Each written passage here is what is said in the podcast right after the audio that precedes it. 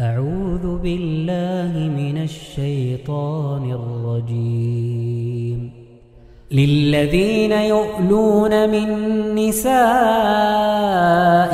تربص أربعة أشهر فإن فاءوا فإن الله غفور رحيم. وإن عزموا الطلاق فإن الله سميع عليم والمطلقات يتربصن بأنفسهن ثلاثة قروء ولا يحل لهن أن يكتمن ما خلق الله في أرحامهن إن كن يؤمن بالله واليوم الآخر وبعولتهن أحق بردهن في ذلك إن أرادوا إصلاحا ولهن مثل الذي عليهن بالمعروف وللرجال عليهن درجة والله عزيز حكيم هذه الآية الإيلاء. الإيلاء ما هو؟ هو الحلف بالله العظيم. أن يحلف الرجل أن لا يجامع زوجته. هذا هو الإيلاء. فالله سبحانه وتعالى اعتبره ذنبا. لأنه قال فإن فاءوا فإن الله غفور رحيم. كأنه ذنب. فالله غفور رحيم. لذلك نقول يعني من آلى من زوجته خاصة فإن كان لدون أربعة أشهر فهذا مثل سائر الأيمان. إن حنث كفر وإن أتم يمينه فلا شيء عليه. وليس لزوجته عليه سبيل. يعني أقل من أربعة أشهر فليس لها يعني عليه سبيل. وإن كان أبدا أو مدة تزيد على أربعة أشهر آه، ضربت له مدة أربعة أشهر من يمينه إذا طلبت زوجته ذلك. يعني لو ذهبت زوجته واشتكته عند القاضي فإنه يقول له القاضي أربعة شهور ما عندك مشكلة. لكن أكثر من ذلك إما أن تعود وإما أن تطلق زوجتك. ويستدل في قوله وإن عزموا الطلاق فإن الله سميع عليم على أن الإيلاء خاص بالزوجة وعلى وجوب الوطء في كل أربعة أشهر مرة كما يذكره بعض الفقهاء لأنه بعد الأربعة يجبر إما على الوطء أو على الطلاق ولا يكون ذلك إلا لتركه واجبا. يعني لا يمكن أنك تترك تجبر زوجة الرجل تجبره أن يجامع زوجته في مدة لا تقل عن أربعة أشهر إلا إذا كان تركها أكثر من ذلك لا يجوز وحرام لأن هذا إضرار بها. ومنع لها من من حقها. الآية التي بعدها في قوله سبحانه وتعالى والمطلقات يتربصن بأنفسهن ثلاثة قروء. ولا يحل لهن أن يكتمن ما خلق الله في أرحامهن إن كن يؤمن بالله واليوم الآخر. وبعولتهن أحق بردهن في ذلك إن أرادوا إصلاحا ولهن مثل الذي عليهن بالمعروف وللرجال عليهن درجة. والله عزيز حكيم. هذه الآية من أشهر الآيات التي يستدل بها في أصول الفقه وفي الفقه. وفي الدلالة على المشترك اللفظي في كتب اللغة. ومعنى الآية أن المطلقات يتربصن بأنفسهن يعني ينتظرن بعد طلاقهن من أزواجهن ثلاثة قروء. ثلاثة قروء. ما معنى القروء؟ هنا الخلاف. بعضهم يقول القرء هو الحيض. وقد ذكر قبل قليل الحيض أليس كذلك؟ فهو قرينة. على أن المقصود بالقروء الحيض لأنه قبل قليل قال يسألونك عن المحيض إلى آخره.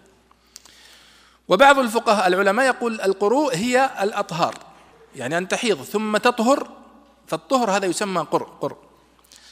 والقرء في اللغة هو الوقت. القرء في اللغة هو الوقت. فوقت الحيض يسمى قرآن ووقت الطهر يسمى قرآن. وأكثر الفقهاء على أن القرء هنا المقصود به الحيض. ولذلك نقول من فوائد الآية عدة المطلقة ثلاث حيض. عدة المطلقة ثلاث حيض.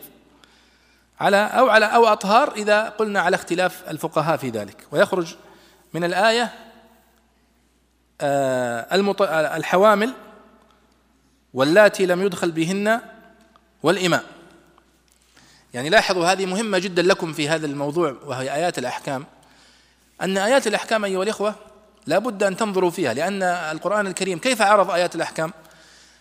بعض الآيات الأحكام جمعها في مكان واحد لا تجدها إلا في مكان واحد. مثلا على سبيل المثال آية السرقة موجودة في مكان واحد في القرآن الكريم والسارق والسارقة فاقطعوا أيديهما جزاء بما كسبا نكالا من الله والله عزيز حكيم.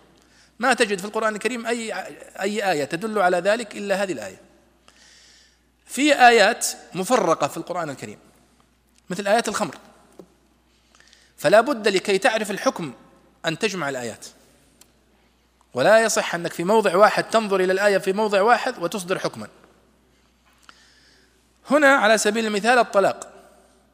لا يمكن أن تعرف أحكام المطلقة من مثل هذه الآية فقط لأن المطلقات ليسوا على مستوى واحد في الحامل وفي الصغيرة وفي الكبيرة التي يعني يئست من الحيض وفي الحامل إلى آخره.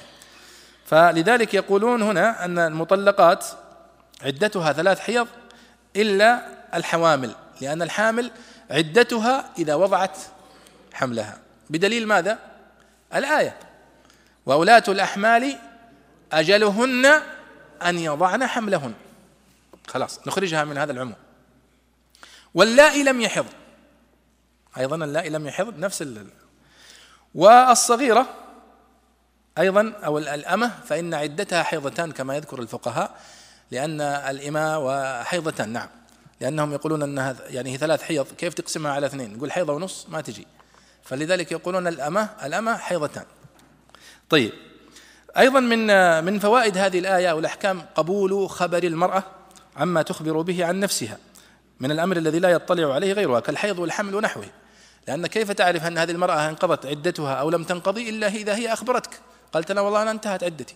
ولذلك إذا كذبت المرأة في هذا فهي على إثم عظيم. أيضا من فوائد هذه الآية أن النفقة والكسوة والمعاشرة والمسكن والوطء كلها يرجع إلى المعروف وما تعارف الناس عليه في المجتمعات. ولذلك تتفاوت من مجتمع إلى مجتمع. لأن العرف مؤثر في الأحكام الشرعية. وقد قال الناظم والعرف في الشرع له اعتبار لذا عليه الحكم قد يدار كما أنه عادوا هنا إلى العرف وعاشروهن بالمعروف. وعاشروهن بالمعروف. ما هو السؤال؟ لا. القروء آه، هي الحيض أو الأطهار. بعضهم ربما تكون آه، عدتها قصيرة بعضهم طويلة. فالشهر قد يكون طويلا لبعضهن والبعض قد يكون آه، أقل من ذلك. فهي مسألة تتفاوت بحسب حتى البيئات. يذكر بعض الفقهاء أن البيئات مؤثرة. بعض النساء في البيئات الحارة عدتها أقصر أو أقل الله أعلم. وهذه مسألة في نهاية المطاف مسألة نسائية بحتة يعني. نحن نتكلم فيها بالسماع.